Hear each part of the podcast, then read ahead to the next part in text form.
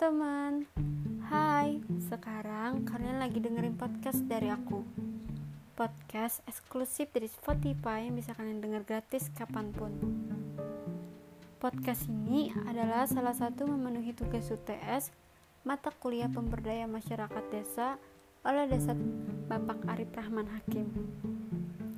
Langsung saja, di podcast kali ini aku akan menjawab dan menjelaskan pertanyaan dari dosen Pertanyaan pertama, apa minat dan kebutuhan masyarakat desa di tempat tinggal? Minat dan kebutuhan masyarakat desa di tempat tinggalku adalah minat pemuda desa di bidang pertanian. Minat pemuda pedesaan dalam pertanian termasuk kategori sedang. Untuk itu, faktor berpengaruh terhadap minat pemuda pada pertanian adalah faktor eksternal dan motivasi.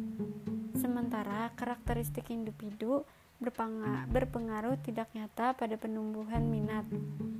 Strategi untuk meningkatkan minat pemuda pada saat pada pertanian dimulai dengan mengoptimalkan kegiatan penyuluhan dengan materi dipastikan sesuai dengan kebutuhan pemuda dan ketersediaan sumber daya yang dilaraskan dengan karakter responden yang masih sangat muda. Pendidikan belum memadai, namun memiliki kosmopolitan yang cukup memadai.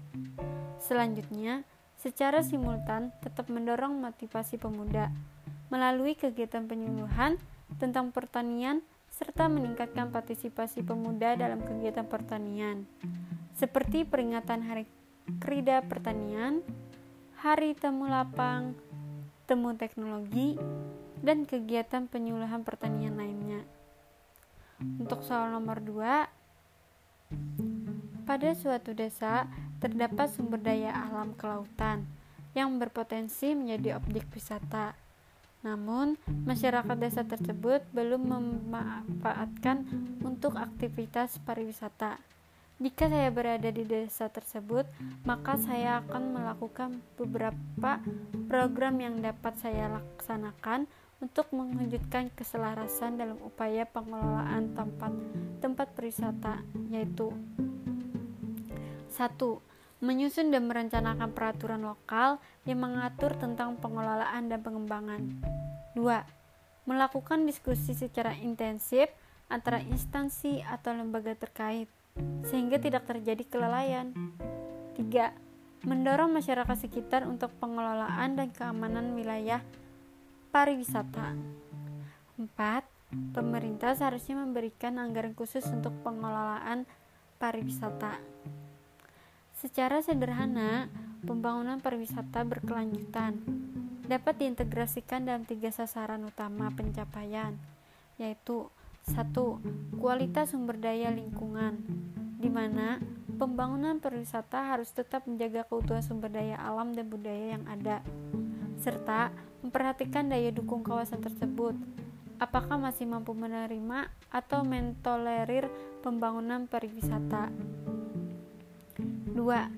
Kualitas hidup masyarakat setempat di mana pembangunan pariwisata harus mampu memberikan dampak positif bagi sosial ekonomi masyarakat setempat, seperti menumbuhkan kesempatan kerja atau bahkan menjadikannya sebagai masyarakat yang mandiri secara ekonomi.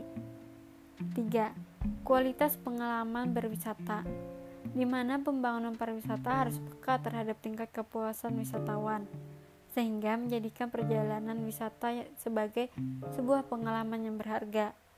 Dalam hal ini, kualitas produk wisata serta interpretasinya memiliki peranan sangat penting bagi kualitas pengalaman berwisata seseorang. Pada tingkatan ini, sebuah desa wisata dicirikan sebagai berikut. 1. Masyarakat sudah sepenuhnya sadar akan potensi wisata, termasuk pengembangannya. 2. Sudah menjadi destinasi wisata yang dikenal dengan banyak dikunjungi oleh wisatawan. 3. Sarana dan prasarana serta fasilitas pariwisata sudah memadai. 4 masyarakat sudah mandiri dan mampu mengelola usaha pariwisata secara swadaya. 5. Mampu melakukan promosi dan pemasaran secara swadaya serta mengembangkan jaringan kerjasama dengan pihak luar. 6. dapat menjadi mode percontohan bagi pengembangan desa-desa wisata lainnya. Untuk soal nomor tiga, di sini uh, pada suatu desa terdapat masyarakat yang sangat beragam, berbeda agama, suku, bahasa, dan strata sosial lainnya. Kemudian, pada suatu peristiwa terjadilah konflik besar yang mana antar masyarakat bertikai. Sebagai pemuda desa tersebut, yang saya bisa lakukan adalah uh, dapat uh, menjadi orang ketiga sebagai mediator. Pihak ketiga ini akan memberikan pendapatnya mengenai secara terbaik dalam menyelesaikan konflik mereka. Ada cara lain yang dapat dilakukan dalam upaya menyelesaikan konflik, yaitu satu, Kemenangan suatu pihak atas pihak lain. 2. Kompromi atau perundingan di antara pihak-pihak yang bertikai sehingga tidak ada pihak yang sepenuhnya menang dan tidak ada pihak yang merasa kalah. 3. Rekonsiliasi antara pihak-pihak yang bertikai. Hal ini mengembalikan rasa saling percaya di antara pihak-pihak yang bertikai tersebut. 4. Saling memaafkan satu pihak dengan pihak lain. 5. Kesempatan untuk tidak berkonflik.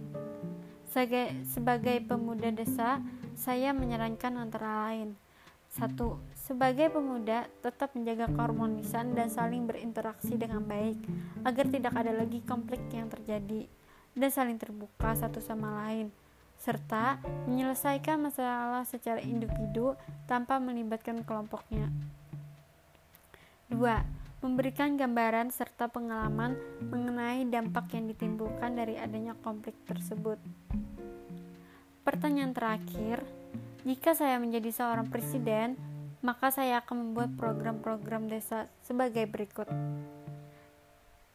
Sebelum membuat program-program desa, saya akan menjelaskan sedikit apa itu desa. Desa adalah sebuah wilayah yang jauh dari pusat keramaian kota karena hal itu, kondisi di desa cenderung masih alami.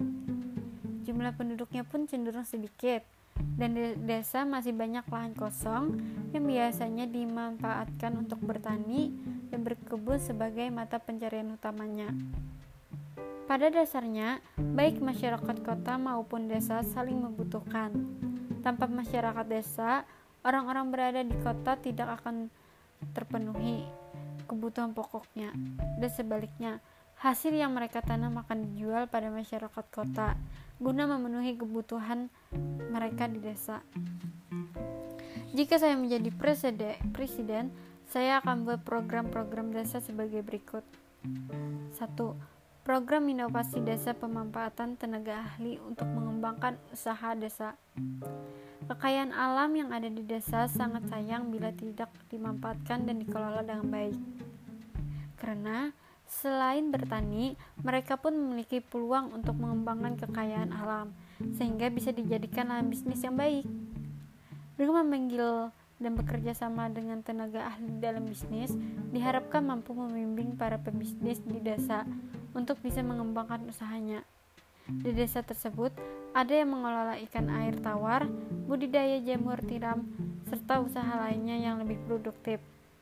Dari kerjasama dan bimbingan itulah, desa tersebut mampu menjadi desa dengan menghasilkan para wirausaha baru dengan memanfaatkan kekayaan alam yang ada di sekitarnya. 2. Program inovasi desa membangun sekolah untuk memenuhi kebutuhan pendidikan.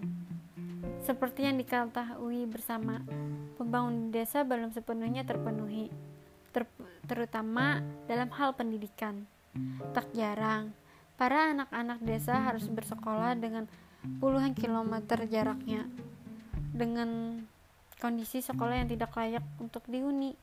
Padahal pemerintah pusat maupun daerah sepakat untuk melanjutkan pendidikan minimal 12 tahun. 3 program inovasi teknologi sumur sebagai ketersediaan air desa. Tenaga profesional dari luar daerah untuk melakukan kajian guna menangani masalah tersebut.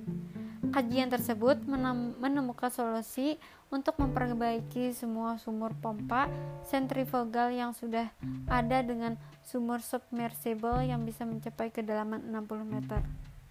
4. Tempat pengolahan sampah terpadu. Mengolah sampah untuk dijadikan pupuk alami dan produk bernilai jual lebih tinggi. Tempat mengolah sampah ini diberi nama tempat pengolahan sampah terpadu. Dengan adanya TPST ini, masa akan membuka lapangan pekerjaan bagi masyarakat yang kurang mampu. Selain mengatasi masalah lingkungan, pengangguran pun dapat dikurangi. Sampah organik akan diolah menjadi pupuk dan dapat dijual lagi.